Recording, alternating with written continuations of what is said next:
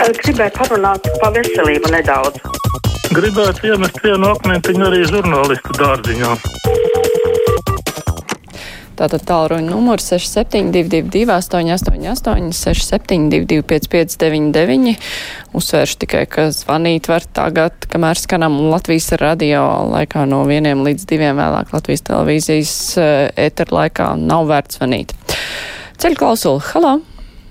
Labdien! Nu, te visu laiku tas cienījamā vecuma kundzīte zvana un saka, ka vajadzētu arotbiedrības priekšsēdētājs skolotājus pāraudzināt, lai visi viņi masveidā skrien vakcinēties. Nu, viņi laikam domā, ka arotbiedrības joprojām kā PSRS laikos ir komunisma skola, redz, respektīvi domā tas nevis lai aizstāvētu darbiniekus, bet lai piespiestu darbiniekus pakrauties priekšniecībai. Nu, tagad, paldies Dievam, ir citi laiki un labi, ka, piemēram, Inga Vanaga nav tāda, kā savulaik bija arotbiedrību priekšsēdētājs Aivars Ķehris Daugavpils universitātē. Nu, tas, Tā, piemēram, pēc tam vēl es gribēju pateikt, vakar tie lielu pompu atkal tika svinēta Daugavpils un Rezeknes otrreizējā iekarošanā pirms pāris gadiem mēs te sacēlām ārlietu ministrijai lielu traci, kāpēc notiek salūts par godu tam Maskavai. No Maskavu mēs, diemžēl, ietekmēt nevaram, varam kaut no bikšiem izlaikt, viņa darīs, ko gribēs, bet pieņemt.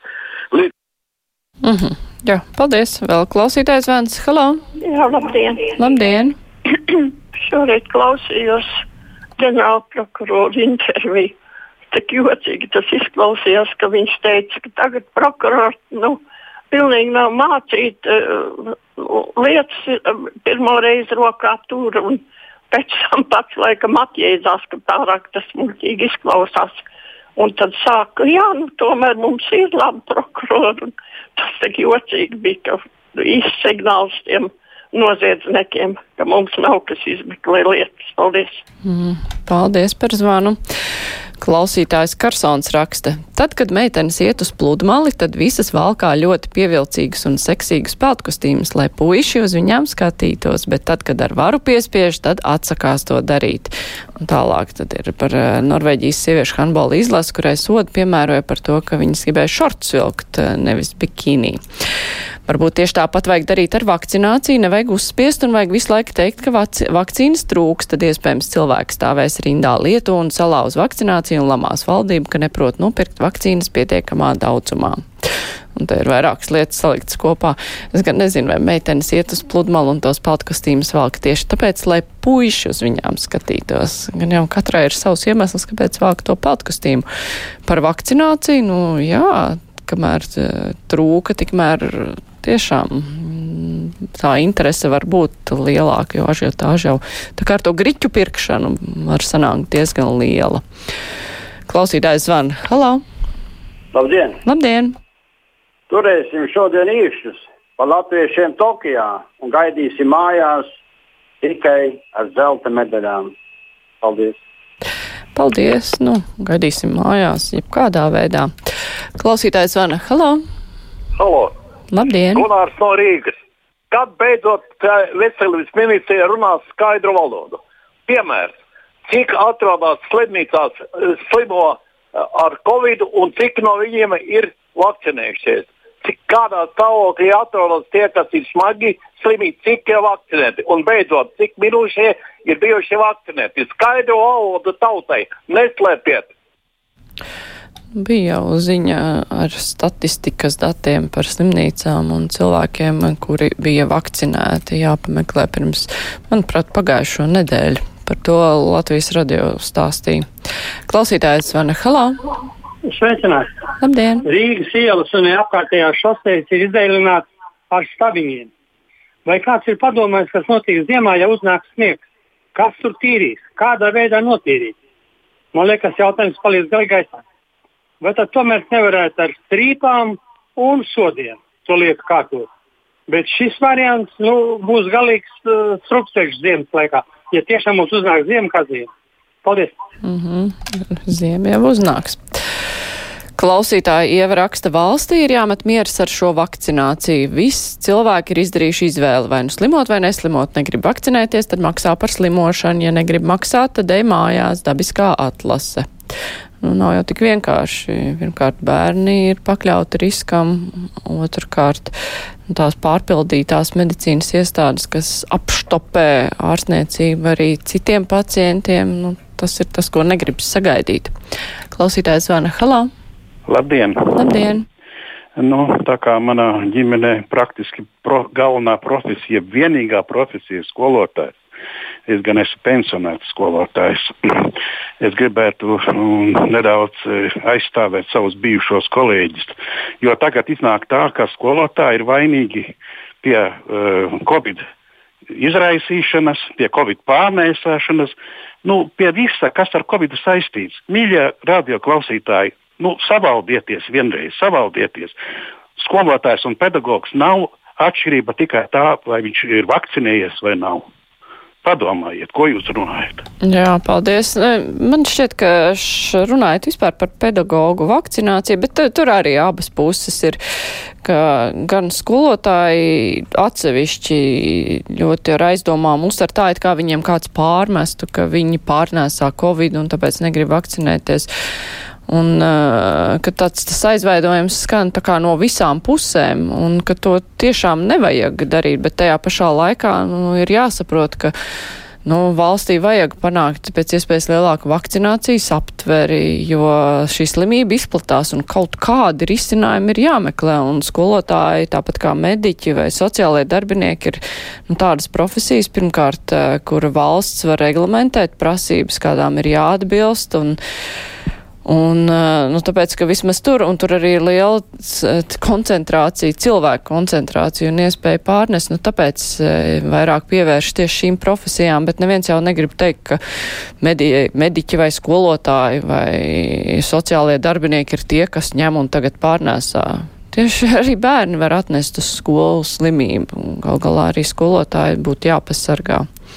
Klausītājs zvana. Halo! Labdien! Labdien! Uh, tas ir Latvijas Rādio 1.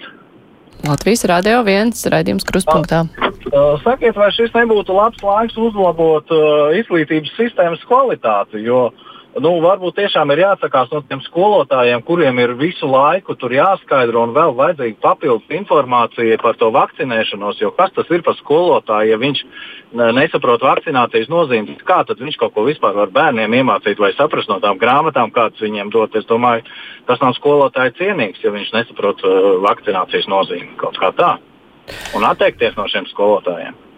Jā, paldies. Un vēl klausītājs zvana. Halo! Labdien! Labdien! Malači! Un tie malači, protams, ir mūsu izcilie, lieliskie basketbola, basketbola komanda trīs Olimpiskajās spēlēs Tokijā, kur pārliecinoši pusfinālā uzvarēja un sudrabs jau mums ir rokā. Un tagad, lai viņiem veicas un cīņas par, cīnīties tikai par zeltu. Un, un lai, lai, lai sasītu Krievijas lupatās, jo kas tā par Krieviju, ka tur Tokijā Olimpiskajās spēlēs Viņi nedrīkst lietot pilnu savu valsts nosaukumu, kur jāliek vēl kaut ko klātam. Kas tā par Krieviju, ka viņiem tur neskan savs valsts himna? Kas tā par Krieviju, ka viņiem neplīvo savs valsts karoks? Tā kā turam īkšķis un lai būtu zelts, lai mēs te Latvijā visi varam laimēt, iet un mūsu draugi visā pasaulē priecāties un gavilēt. Paldies! Jā, paldies! Klausītājs, klausītāja Agnes eh, raksta pirms neilga laika, Kārlis Rācens teica, ka 97% slimnīcās ir nevakcinētie, pārējie 3% stacionārā nonākuši ar citu kaiti. Jo tas bija tas LSM sižets, ko es lasīju. Klausītājs Zāna raksta par slimnīcām vēl vakar. Eh, profesor Kroičs informēja veselības ministrijas rīkotajā sarunā, ka 97% cilvēku, kas nonāk tagad slimnīcās, nav bijuši vakcinēti. No mirušajiem 98% nav bijuši vakcinēti. Šo informāciju var atrast arī SK, SPKC mājas lapā. Ceļu klauso, halā!